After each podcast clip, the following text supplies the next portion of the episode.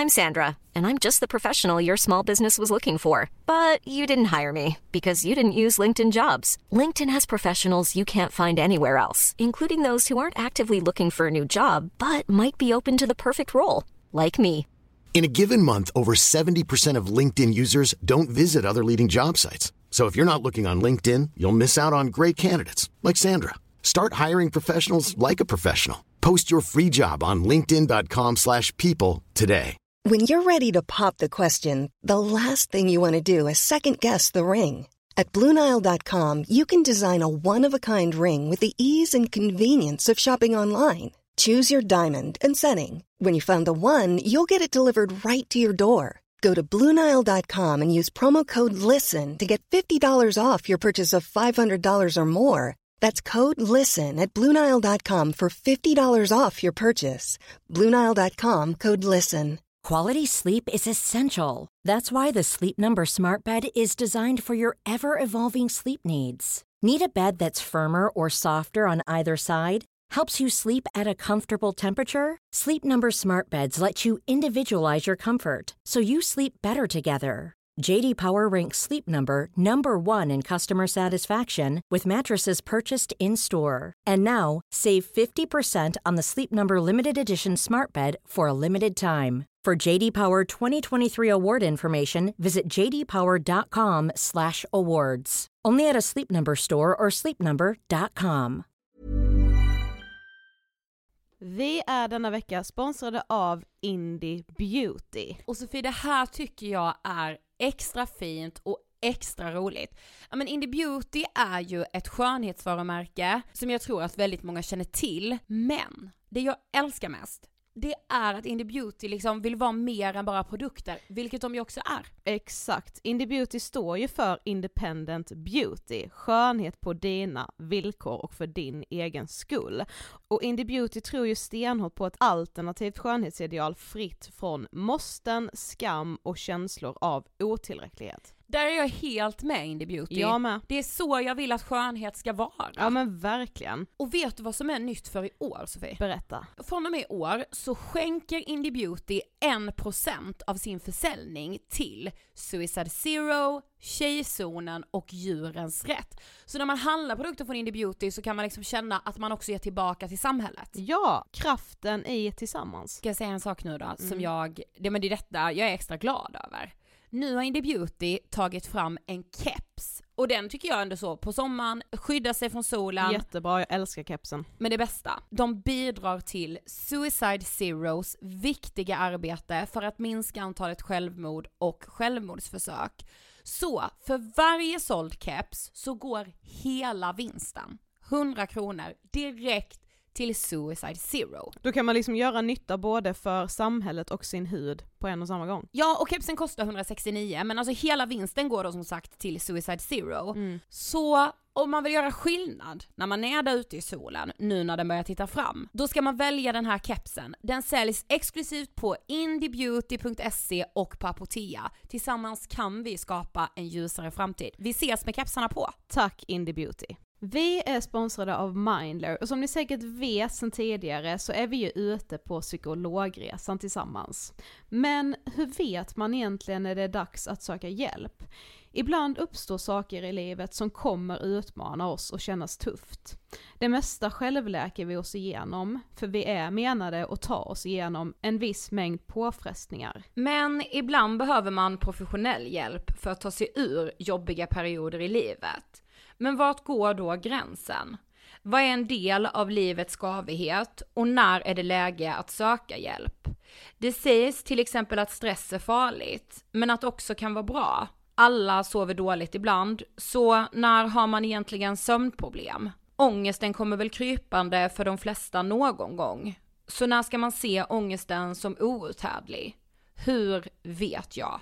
Med oss som psykolog har vi såklart min gamla psykolog Linnea Seidbrant. Men Linnea, vad är egentligen utmattningssyndrom? Utmattningssyndrom är en konsekvens av svår och långvarig stress utan möjlighet till återhämtning.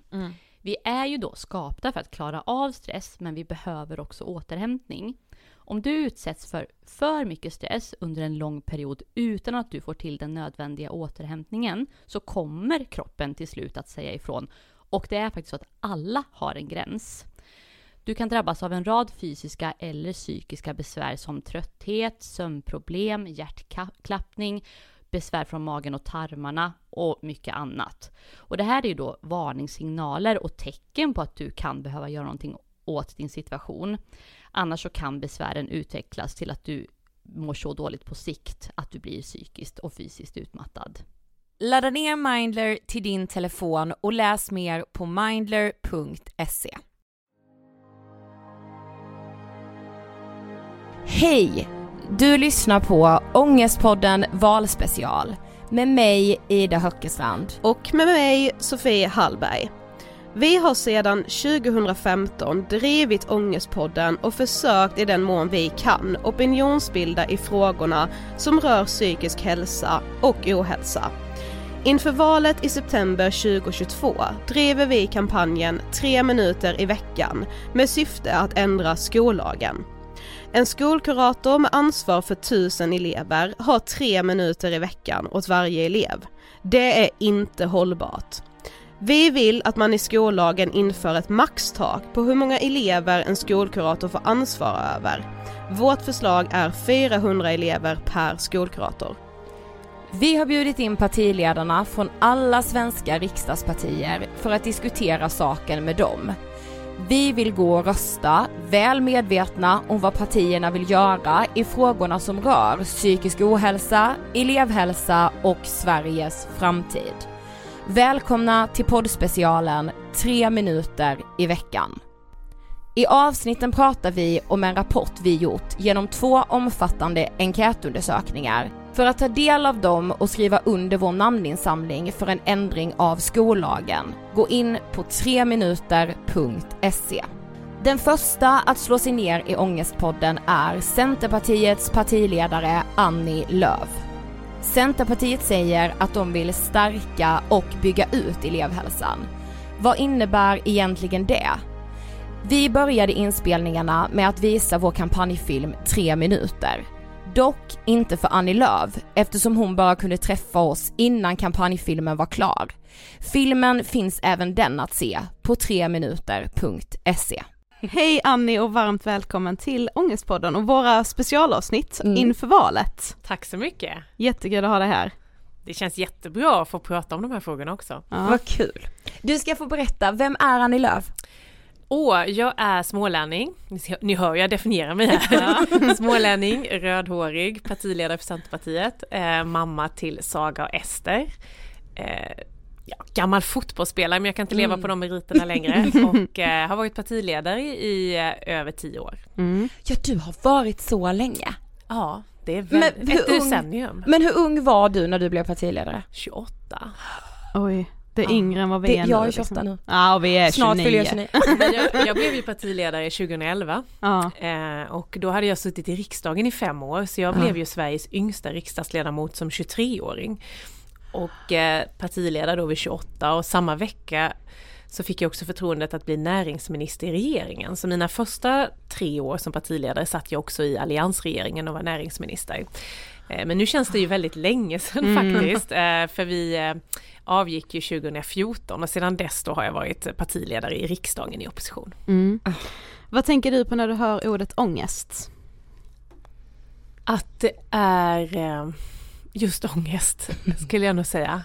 Jag tror att har man någon gång haft ångest så känner man hur liksom man har svårt att andas, eh, det kryper hela kroppen. Eh, eh, man har skuldkänslor för sig själv. Alltså mm. vad, ehm, och att det är så himla vanligt. Det skulle jag nog säga. Ja och vi, alltså vi är så glada att du och Centerpartiet är här och vill prata om de här frågorna. Eh, just för att vi tycker ju det är liksom det viktigaste som finns. Men det känns också som att hela samhället börjar tycka att det här är väldigt viktiga mm. frågor. Men det är ju det. Ja. Alltså, hela mitt jultal som jag höll i december handlade om barn och unga psykisk ohälsa. Och när man jag valde att ha det temat för att när man tar del av den statistik som finns, att självmordsstatistiken, den, ser, den är ju helt fruktansvärd mm. men det är ju en del av verkligheten. Mm. Hur eh, självmordstankar kryper längre och längre ner i åldrarna. Vi pratar ju om tioåringar mm. och elvaåringar som inte vill leva längre och det som mamma tar det ju i en på ett helt fruktansvärt sätt. Och eh, likadant det här med allt fler, framförallt kvinnor i yrkesverksam ålder som är sjukskrivna på grund av stress och psykisk ohälsa. Eh, det här är ett jättestort samhällsproblem som är som inte debatteras. När jag står i mm. Agendas partiledardebatt så debatterar vi ju inte det här trots att det Nej. berör så himla många människor. Det har vi lagt märke till kan ja. jag säga. Vi har suttit och räknat på ja, de men få så gångerna. Därför så valde jag, mitt jultal handlade uteslutande om det och så la jag fram förslag kring att stärka mm. elevhälsan då. Men för att lyfta människors berättelser och erfarenheter. Jag tror att det är jätteviktigt att vi politiker faktiskt också är där väldigt många andra människor befinner sig. Mm.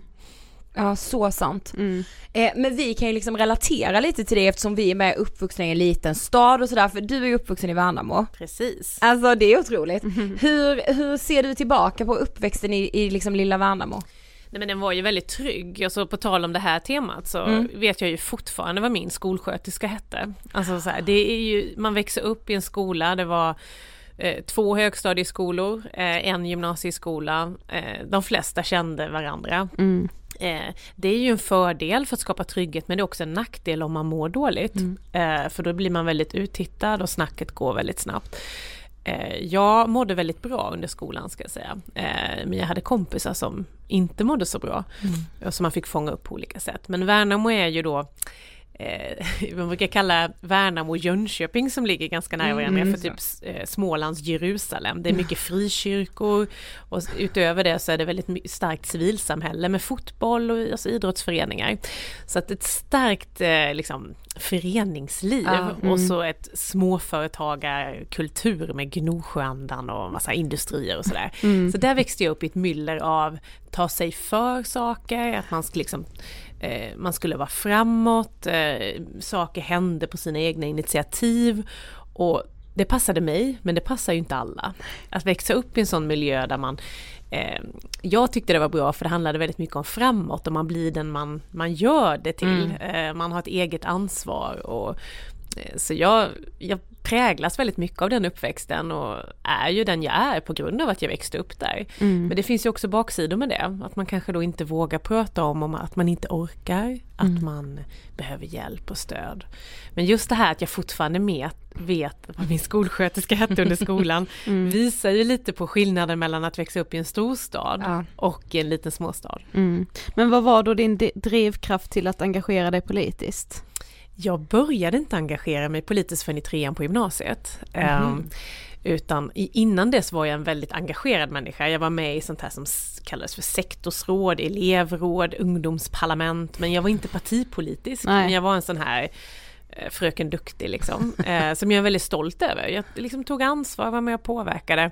Men jag kunde inte sätta ner foten jag visste faktiskt inte heller att man kunde sätta ner foten i ett specifikt parti, utan jag brann för klimat och jag brann för ungas villkor och eh, ja, definierade väl mig som grön socialliberal. Mm. Eh, men sen så var det min pappa faktiskt som i trean på gymnasiet, jag spelade ju fruktansvärt mycket fotboll, som använde en sån här fotbollsterm och sa att, för jag tyckte att Värnamo, ja, det var inte så ungdomsvänligt. Vi behövde ha liksom bättre biografer, ett större utbud bland ungdomskultur och liknande. Så sa men du får ju ta engagera dig. När du spelar fotboll, då är du ju på planen och försöker påverka och spela. Då sitter du ju inte på läktaren och gastar och skriker på alla som försöker göra någonting. Mm. Och eh, det fastnade faktiskt hos mig, så att det här var året innan valet 2002, så det här var 2001 på hösten. Jag beställde hem partiprogram, för då fanns inte internet ja. på samma sätt. Så jag fick liksom sådana här partiprogram skrivna eh, eh, som jag läste. Och landade faktiskt då i Centerpartiet eh, för att de lyfte ja, men det sociala ansvaret, miljö, klimat och det här med småföretagande som jag tyckte var väldigt viktigt och så gick jag med. Så att jag är en sån här late bloomer får man väl säga, ja. även om jag var väldigt ung då, men väldigt många går ju med när man går på högstadiet ja, i ungdomsförbund. Men jag gick med i trean på gymnasiet mm. och sen gick det ju då fort, för fyra år efter så satt jag ju i riksdagen. Ja, väldigt fort. Men jag var en väldigt engagerad människa inför det, men ja. äh, inte i ett parti. Nej. Men, men idag vill vi ju framförallt fokusera på elevhälsan, unga psykiska hälsa. Eh, om du liksom tänker tillbaka på när du gick i skolan och som du sa nu, du vet fortfarande vad din skolsköterska hette. Mm. Alltså hur ser du tillbaka på elevhälsan, hur funkade den? Nej men jag behövde ju inte använda den så mycket Nej. så att utifrån det perspektivet tycker jag att den fungerade bra. Mm. Sen så de som inte mådde bra under skolan hade säkert en annan uppfattning. Mm. Men jag tyckte att det, liksom, dörren in till kuratorn, till skolsköterskan var väldigt lättillgänglig. Den var liksom nära att bara smita in om man behövde det. Eh, jag upplevde också att jag hade väldigt många lärare som också var engagerade i hur vi mådde eh, och liksom var en Alltså en social, inte förälder för det ska de inte vara, men alltså social vuxen. Mm. Eh, så jag, jag, tycker verkligen att jag hade en väldigt bra uppväxt som fångade upp. Och jag minns särskilt ett samtal på gymnasiet med min mentor, alltså en klassförståndare, som så jag var ett MVG-barn, ja. som jag hade MVG allt. Och då fångade han in mig och liksom satt och pratade med mig och frågade om press och stress om jag blev eh, liksom stressad hemma och frågade liksom hur mina föräldrar var, liksom hur de reagerade om jag inte skulle få MVG och ja. så. Och jag hade ju ingen press hemifrån utan mm. jag satte mina, det var jag själv som satte, mina föräldrar var snarare så här Ja men kom igen nu, det hade varit bra om du får VG på något så att du liksom, tar, alltså mm. världen går inte undan i. Mm. Eh, och när jag fick det någon gång så upplevde jag att världen gick under lite för då kunde jag inte bli jurist, jag kunde då grusades hela min framtid. Och mamma och pappa fångade ju alltid upp mig där. Men just mm. det här samtalet med min lärare som tog in mig lite avsides och frågade hur jag mådde bakom ytan. Mm. Eh, tycker jag så här efterhand var väldigt bra. Nu fanns det ju ingenting att skrapa på för det var jag själv som behövde jobba med att sänka tröskeln. Mm. Så när jag är ute, för jag är ju också ute av, i många år har jag varit ute och pratat med högstadie och gymnasieelever. Då lyfter jag ofta det där att man kan lyckas även om man inte toppresterar. Alltså det finns nya chanser eh, och eh, eh, se till att också ha ett socialt liv. Mm. mm. Jag spelade ju mycket fotboll också så det var ju mitt sociala liv men även om man inte får toppbetyg så är inte hela livet förstört. För att jag tror att väldigt mycket i skolmiljön kring betygshets eh, skapar otroligt mycket ohälsa och destruktivitet, inte minst bland tjejer. Eh, och att liksom sänka det och höra det från någon som liksom har gått igenom det där med den egna pressen på sig själv. Eh, hoppas jag kan lindra det lite. Det finns möjlighet att ta igen det där lite senare. Mm, mm. Och även om man inte och man behöver inte ha toppbetyg för att också kunna göra det man vill framåt. Det tycker det är viktigt att man känner det när man går i skolan. Mm, verkligen. Även men, om man alltid ska göra sitt eget bästa men det ja. kan ju också vara att nå upp i godkänt. Ja, det är liksom precis. Mm. Men i skollagen så står det att varje elev ska ha tillgång till bland annat skolkurator och skolsköterska. Vad betyder tillgång till för Centerpartiet? Att det ska finnas på skolan. Mm. Eh, antingen, helst fysiskt men också digitalt. Eh, det som, eh, och det gör ju inte det idag. Eh, och vi vill ju skärpa skollagen. Vi vill att rektorn eh, ska ha det ansvaret. Det är han, som har eh, han eller hon som mm. har budgetansvaret. Det är han eller hon som planerar och dimensionerar för vilka man anställer. Vi tycker att elevhälsa ska finnas som ett obligatoriskt moment i rektorsprogrammet och skolchefsutbildningen för att så man måste få in kunskapen om vad elevers psykiska hälsa innebär för deras arbetsmiljö och deras möjlighet att göra, liksom, ta till sig kunskap. Mm. Så att vi vill faktiskt ställa lagkrav på att det rektorn ska genomgå en sån i sin befattningsutbildning men även skolchefen och att det är rektorn, inte bara huvudmannen för det blir oftast det blir lite luddigt. Mm. Huvudmannen har ju idag det utpekade ansvaret. Det är ju typ kommunen då Exakt. eller friskolan, eh, liksom aktiebolag. Mm. Eh, men vi tycker att det ska vara en utpekad person som har det ansvaret för då är det mycket lättare att både granska och ställa till svars. Ja annars blir det ganska lätt att så kunna peka ut varandra i det ansvaret. Mm. mm ja men så är det. Mm. Och det är, anledningen till att vi också tycker att det ska finnas som en obligatorisk del i den här befattningsutbildningen som alla rektorer måste gå för att mm. få en sån tjänst. Det är ju för att jag tror att kunskapen inte finns hos alla. Alltså det är någonting man lätt prioriterar bort. Det är svårt att få tillgång till, på skolsköterskor eh, och då delar man det mellan olika skolor, eh, vilket är väldigt vanligt. Och det kanske får vara så, men det är viktigt då att det finns en möjlighet att liksom, dels att vi vill ju att man ska anställa fler vuxna mm. som arbetar med detta, fler professioner, kuratorer, skolsköterskor, studiepedagoger eh, till exempel. Men om det då inte kan finnas fysiskt på plats varje dag i veckan så måste man bygga ut det digitala mm. för att sänka tröskeln för unga eh, elever att faktiskt ta hjälp. Mm. Ja, för som du sa nu, det är ju liksom huvudmannen och kommunen eller så mm. som tolkar tillgång till. Och ni skriver på er hemsida att det ska inte bero på var i landet man som elev går i skolan. Men i verkligheten så spelar det ju jättestor roll eftersom ja, men man tolkar tillgång till så olika.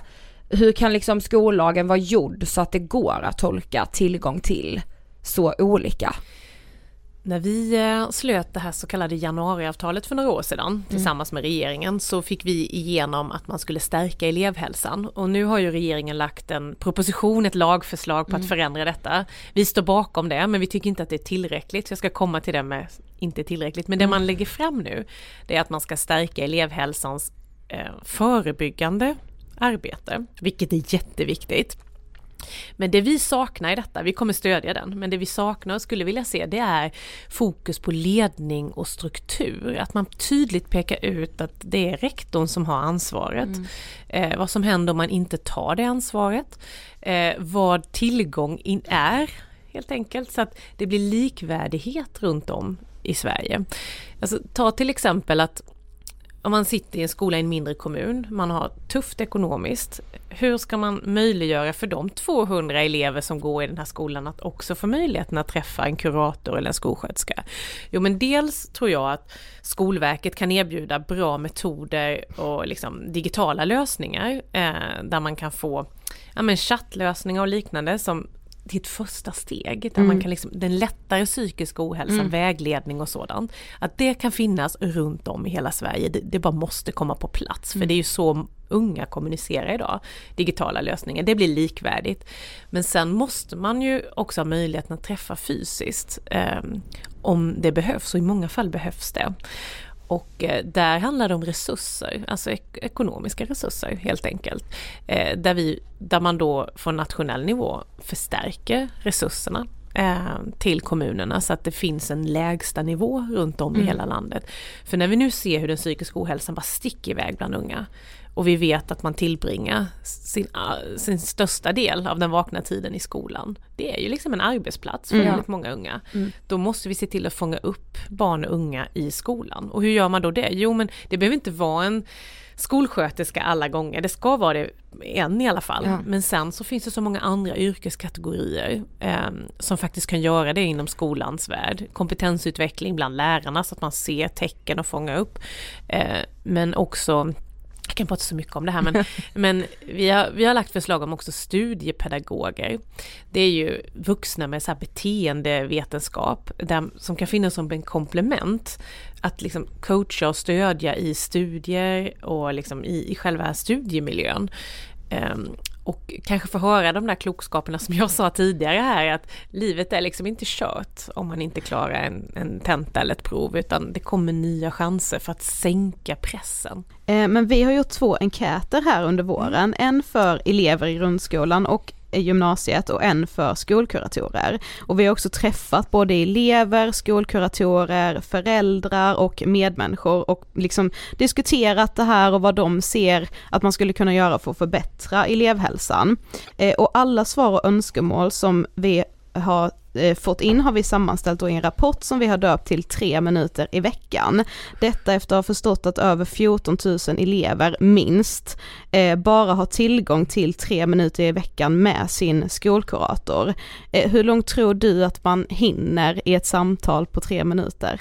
Nej men ingenting. Mm. Det är ju det här visar ju svart på vitt att man behöver göra reformer. Både för likvärdighet, alltså samma möjlighet oavsett var man bor, men också för att höja standarden i hela landet. För det är ju, det ser ju, tre minuter är ju förmodligen över hela landet så att säga. Mm. Så här visar ju behovet av att rektor och varje skola ser till att ha tillgång till fler vuxna. Mm. Ehm, för då använder man kanske de tre minuterna till att göra vaccination. Ja. Liknande, förstår ni jag tänker? Att mm. Det som man verkligen, för att kunna och det är ju liksom basutbudet framförallt när man då är yngre, eh, riktigt ung och gör sådana delar. Men det vi pratar om här idag handlar ju om att hitta möjlighet att alltså, hitta nycklar för att må bättre. Eh, och det kräver ju mer än en halvtimme. Mm. Mer än tre minuter definitivt. Mm. Och det är därför de förslag som jag, vi har pratat om hittills och som jag presenterade här för några, några månader sedan är så himla viktiga. Sen tror jag att man behöver ha en ökad eh, samverkan med andra aktörer. Mm. Det är väldigt många som faller mellan stolarna. Och ett av de förslag jag presenterade innan jul handlar om eh, att även skolan ska tvingas att samverka med socialtjänsten och hälso och sjukvården. Idag är det bara de andra två som ska samverka med varandra men vi tycker att skolan också har ett väldigt viktigt uppdrag, både att bjuda in de andra aktörerna men också vara med på sådana samtal. För att idag är det många elever som faller mellan stolarna mm. och som inte får hjälp. Eh, likadant när man går från, ja men om man är riktigt liten, som mina barn nu då, som mm. går från eh, eh, BVC, alltså upp till skolan som hon går i nu. Att, och sen när man besöker ungdomsmottagningen när man blir lite äldre, att det finns en sammanhållen journalföring. Så att man faktiskt får det stöd och det hjälp som man, som man eh, behöver och så att man inte behöver berätta sin historia flera gånger. Mm. Eh, det är också någonting som inte existerar i Sverige idag. Mm. Eh, så att där är en tydlig och klar punkt till oss politiker att eh, förändra så att vi får en sammanhållen journalföring. Mm. Mm. Men det är många liksom, av de skolkuratorer som vi har pratat med har sagt också är ju att alltså i deras yrkesroll så ska ju de främst jobba förebyggande och de ska inte jobba behandlande. Mm. Men de upplever ju att de bara får jobba behandlande för att köerna till BUP är alldeles för långa så att eleverna måste gå till skolkuratorn för att de kan inte stå och vänta, de, de kanske måste vänta ett helt år mm. för att få komma in på BUP. Mm. Och då blir det att den här skolkuratorn som inte ska göra det på sin liksom, arbetstid ändå måste jobba behandlande. Mm. Eh, och jag tänker mig att ja det är ju, kan ju vara ett bra förslag att man så, att det ska vara liksom en ja, men sammanhållning mellan de här tre mm. olika instanserna men hur ska en skolkurator hinna med ännu mer? Nej. Om man inte tillför ännu mer, ja men fler skolkuratorer, mer pengar. Ja. Nej men det är flera steg här. Mm. Eh, och, eh, en jätteviktig del är att korta köerna till BUP. Det är ju 30 dagar egentligen mm, som ja. man ska få hjälp inom. Det, det, är, det, är ju inte en enda region i Sverige som eh, uppfyller det. Nej. Eh, och det, det, här handlar ju om barn och ungas liv. Mm. Eh, och ibland handlar det om är det en fråga om på liv och död också. Så att därför är det så otroligt viktigt att man kortar de här köerna. Hur gör man då det? Mm. Alltså det, det handlar ju om kompetensbrist. Vi har för få sjuksköterskor som vill arbeta inom de här delarna. Vi måste förbättra villkoren mm. för att arbeta inom barn och ungdomspsykiatrin. Eh, så att vi kan korta köerna mm. helt enkelt. Och det är ju någonting som, jag tror alla partier ska jag säga, vi har ju verkligen drivit på här men, mm. eh, för att få mer pengar till att korta köerna till BUP. Men jag tror att alla partier har sett detta och vill göra någonting åt det. Men det är ju ett regionalt ansvar. Mm. Våra politiker sitter ju också regionalt. Vi måste se till att korta köerna till BUP. Och även där är de digitala lösningarna jätteviktiga för att underlätta så att de inom specialistvården då på BUP kan ta hand om de fall som verkligen behöver göras fysiskt. Mm. Så det är en del. Och sen kommer man då till eh, skol eh, sjuksköterskor och kuratorer som ska jobba förebyggande men de måste ju jobba behandlande idag eftersom det är så långa köer. Mm. Så här behöver vi, det är ett det är därför jag påtalar det så mycket. Det är ett jättestort samhällsproblem som kräver så mycket, en helhet. Mm. Så att mm. säga, där vi behöver jobba brett och inte bara dutta i olika satsningar. Och då är den här lagstiftningen som vi sa innan, när vi pekar ut ansvar, när vi ger resurser, det är ju viktigt för att då vet man vad man har att jobba med. Mm. Mm. Ja men på tal om just lagstiftningen, eh, flera undersökningar visar att det vore rimligt att införa ett maxtak i, i skollagen eh, på antal elever som en skolkurator får ha ansvar över. Eh, regeringen gjorde själva en utredning och den eh, visade ett maxtak på 400 elever per skolkurator. Eh, att liksom, om, om det införs så finns det en möjlighet för elever, dels att nå kunskapskraven samtidigt som man kan behålla en god psykisk hälsa och fysisk. Eh, och i vår enkät så frågade vi skolkuratorerna att så här, vad, vad, tycker ni är rimligt? Vad, alltså vad känns som ja men, någonting som ni klarar av. Och vi, vi tänkte citera en skolkurator som skrev, eh, det vore betydligt mer lagom än att som jag arbeta som kurator på mindre än 40% på en skola med nästan 300 elever. Tidigare hade jag en tjänst på 1300 elever på en heltid. Det var outhärdligt för både min arbetsmiljö och elevernas tillgång till elevhälsa. Jag har därför valt att ta ett annat arbete vid sidan av för att överleva, är ändå nära utbrändhet ingen annan yrkesroll har haft så dåliga villkor inom någon av de skolor jag arbetat vid. Detta påverkar givetvis eleverna negativt. Eh, slutcitat. Alltså hur, vad tänker du, hur kan det liksom se ut så här? Mm. Nej men det är ju precis därför som jag har drivit de här frågorna så många år. Det är därför det är viktigt att peka ut ett huvudansvar, eh, att rektorn, det är därför det är viktigt att införa en obligatorisk utbildning för skolchefer och rektorer i de här delarna. Det är därför det är viktigt att man ger mer resurser från staten ut till kommunerna för att kunna anställa fler vuxna. Eh, och när jag pratar vuxna så handlar det ju framförallt om fler kuratorer, mm. studiepedagoger, skolsköterskor. Men det handlar också om alltså fler lärare. Att lärarna får kompetensutveckling att liksom fånga upp och liksom vara den här som jag pratade om på min skolgång, liksom sociala personer som, för de möter ju eleverna på mattelektionen, på gympan och kan mm. fånga upp snabbt. Det är jätteviktigt. En annan väldigt central del här, det handlar om eh, livskunskap. Eh, att få barn och unga att kunna prata om psykisk ohälsa, att få nycklar och verktyg, att veta att det är psykisk ohälsa som man är drabbad av. Eh, vi hade livskunskap när jag gick skolan. Mm. Vi vill nu att det ska vara en del av idrott och hälsa. Ja. Att man också pratar om det inom ramen för ja, den vanliga idrotten helt enkelt. Mm. Eh, det, är, det är jätteviktigt. Eh, vi tror också på mer fysisk idrott i skolan, för gör man det så ja, då mår man också bättre. Så det är också en annan del. Så jag Risken när man sitter i en sån här podd är att man drar upp väldigt många olika förslag, men det är väldigt många olika saker som man behöver göra för att förbättra och det är ganska mycket som vi inte har gjort under många år som gör att vi är där vi är. Mm. Eh, för det handlar både om att hjälpa eleven att må bättre och få verktyg och en insikt om att man mår dåligt. Mm. För att kunna liksom få hjälp. Eh, och sen handlar det om fler utbildade vuxna som har möjlighet att göra ett bra jobb. Som den här kuratorn hon säger det, det är ju helt, det är helt orimligt. Mm. Eh, för det leder i sin tur till en dålig arbetsmiljö för de som är anställda som kuratorer. Mm. Eh, och sen, den stora risken här är ju också att det inte blir kontinuitet. Utan att det är, om det är ambulerande skolsköterskor, eh, sjuksköterskor eller kuratorer så blir det inte en kontinuitet hos eleven. Att det är olika personer man pratar med och så får man berätta om och om igen.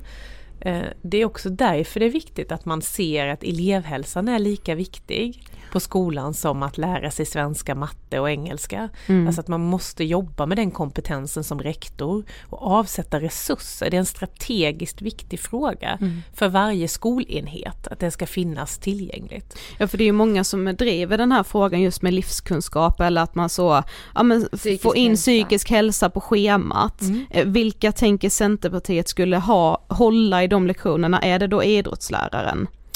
Det kan man nog göra på olika sätt. Alltså, jag, jag tänker, när vi hade, vi hade det som ämne faktiskt, ja. har ämne då på min tid.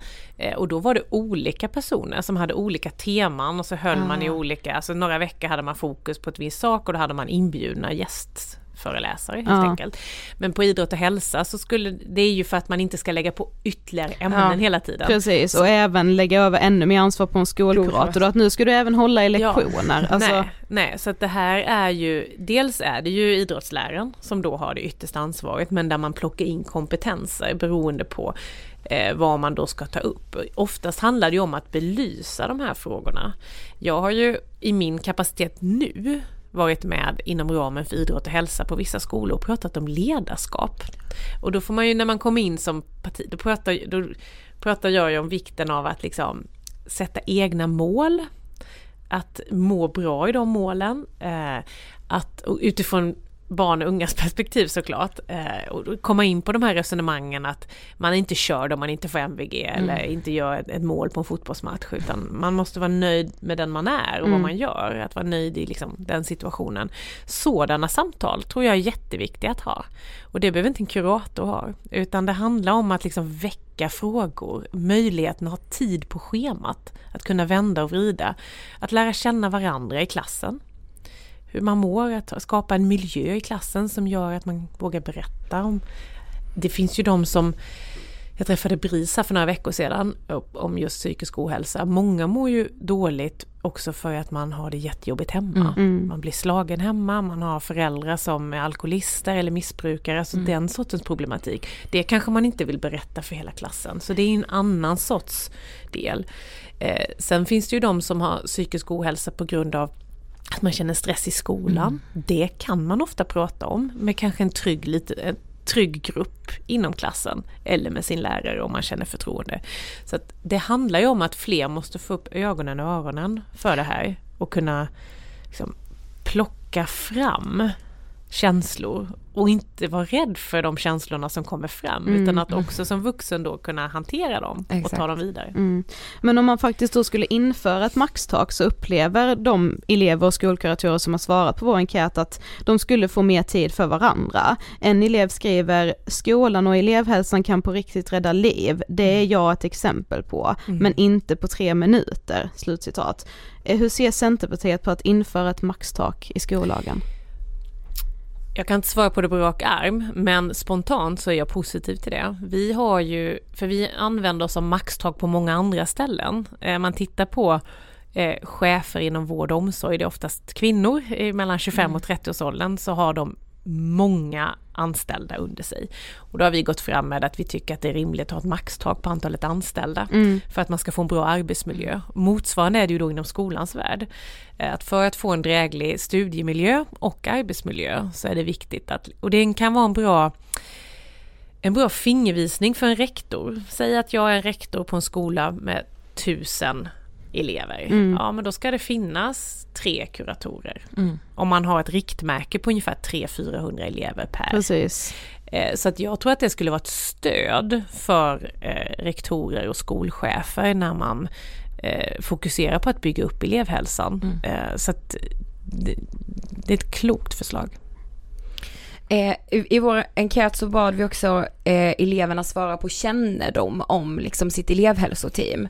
Och där uppger 51% att de inte vet vilka alla i deras elevhälsoteam är. Eh, antagligen för att ja, men många av kuratorerna uppger att de hinner inte vara ute i korridorerna, de hinner inte komma till klassrummen och säga hej hej här är jag.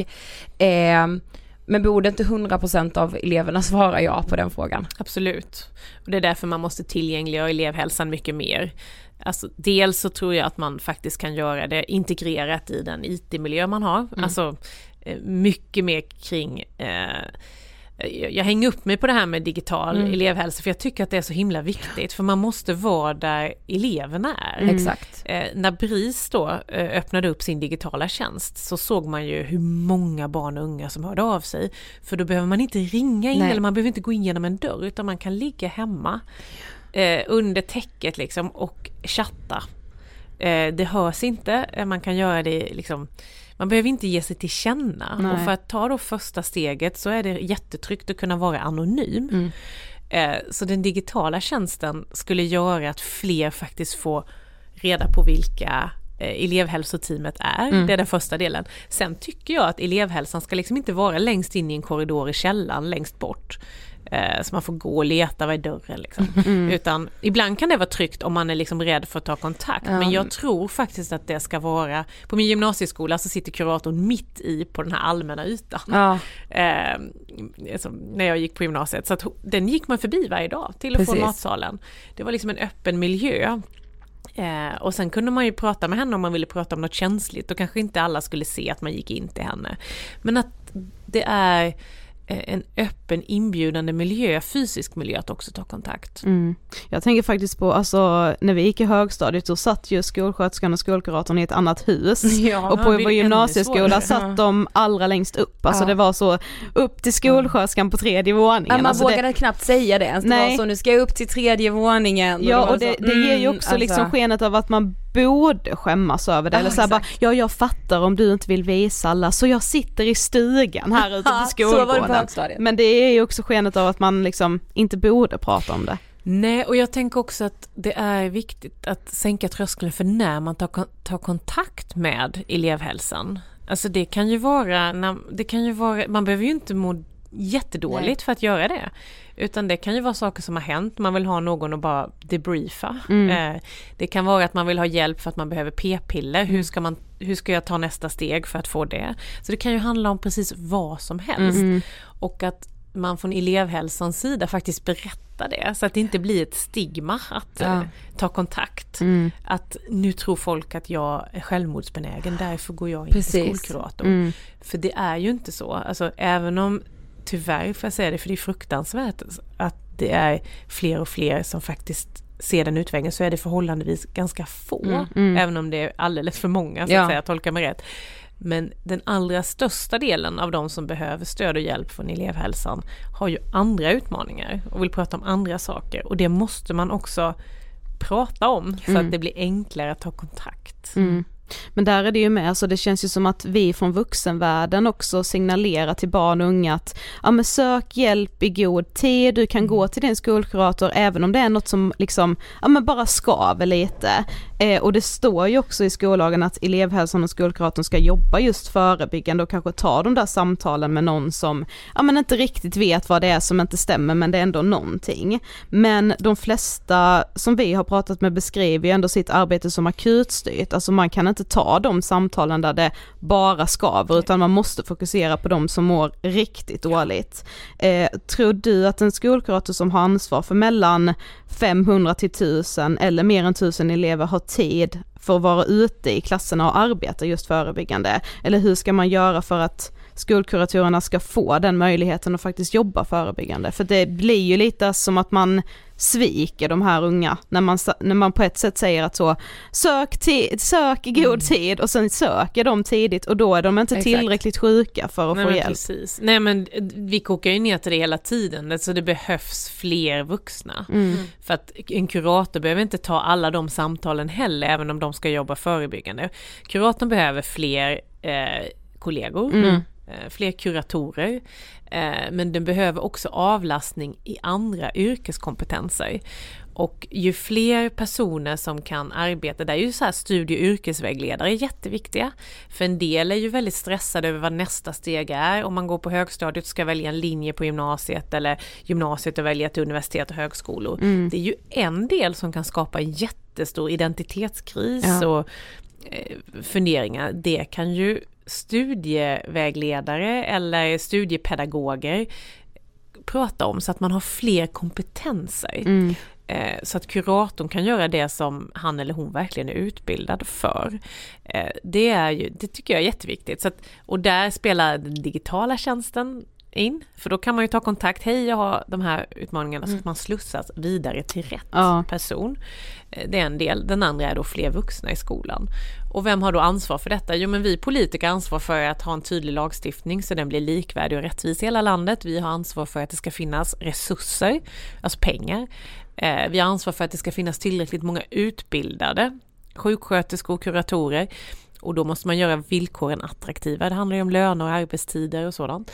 Eh, men sen den som har ansvar för att sen det ska få det att hända, det är ju rektorerna. Mm. Ehm, så att där behöver vi ytterligare stärka upp deras chefs och ledarskap.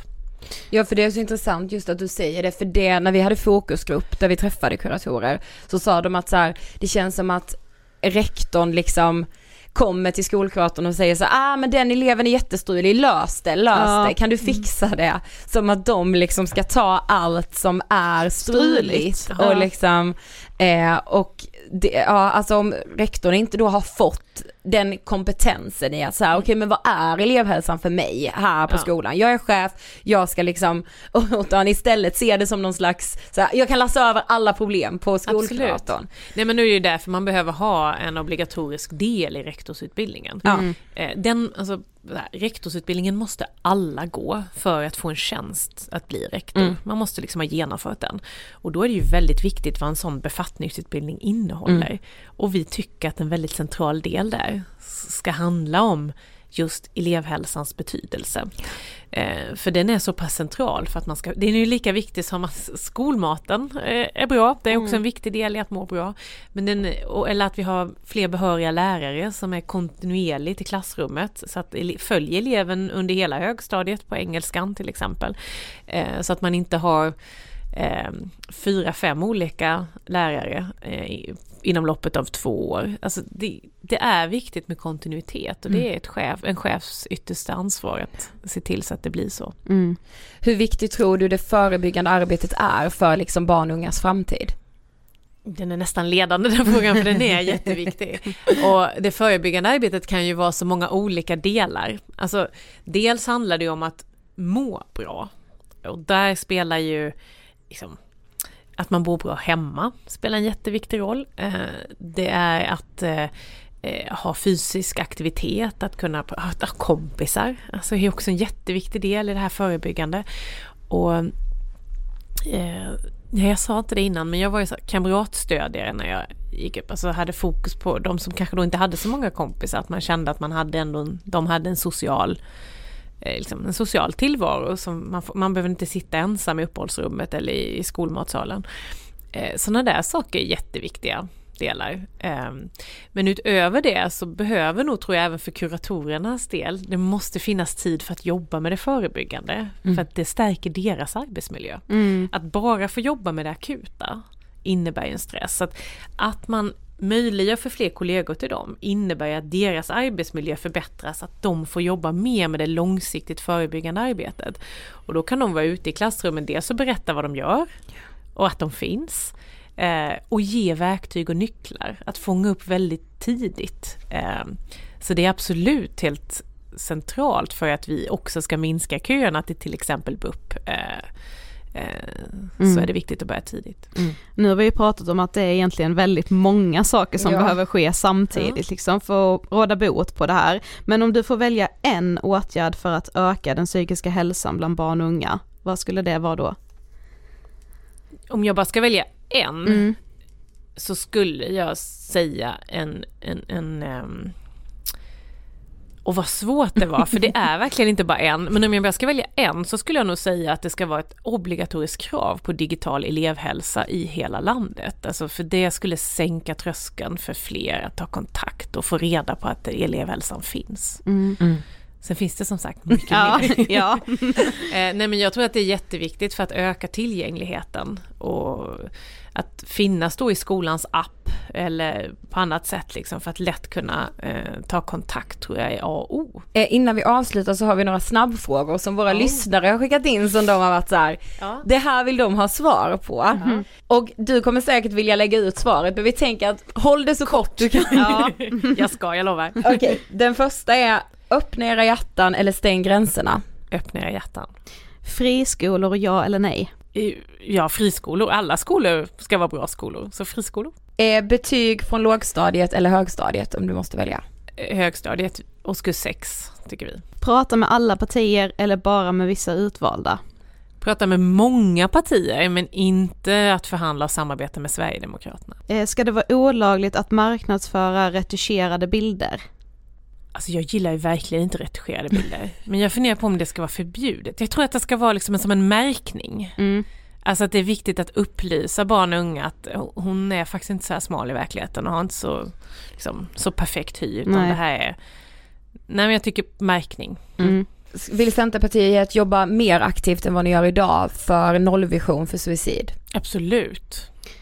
Vem blir statsminister i september 2022? Och det avgör ni som lyssnar. för vi måste ju ha ett valresultat och sen börjar förhandlingarna. Men en statsminister kommer vi absolut att få. Mm. Ja. Tack så jättemycket för att du ville gästa Ångestpodden. Tack för att jag fick komma. Tack.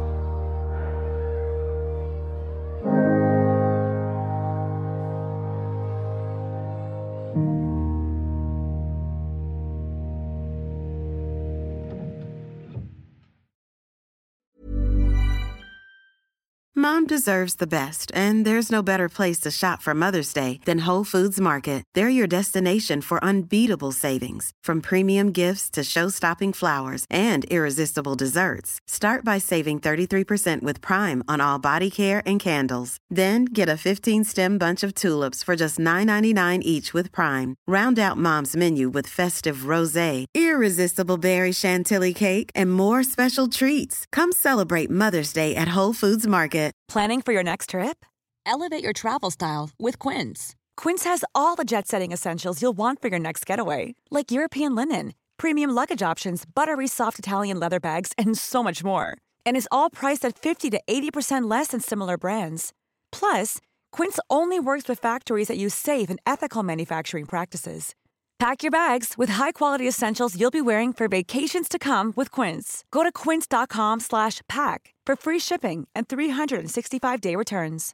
Imagine the softest sheets you've ever felt. Now imagine them getting even softer over time. That's what you'll feel with Bowl and Branch's organic cotton sheets. In a recent customer survey, 96% replied that Bowl and Branch sheets get softer with every wash. Start getting your best night's sleep in these sheets that get softer and softer for years to come. Try their sheets with a 30-night guarantee. Plus, get 15% off your first order at bowlandbranch.com. Code BUTTERY. Exclusions apply. See site for details.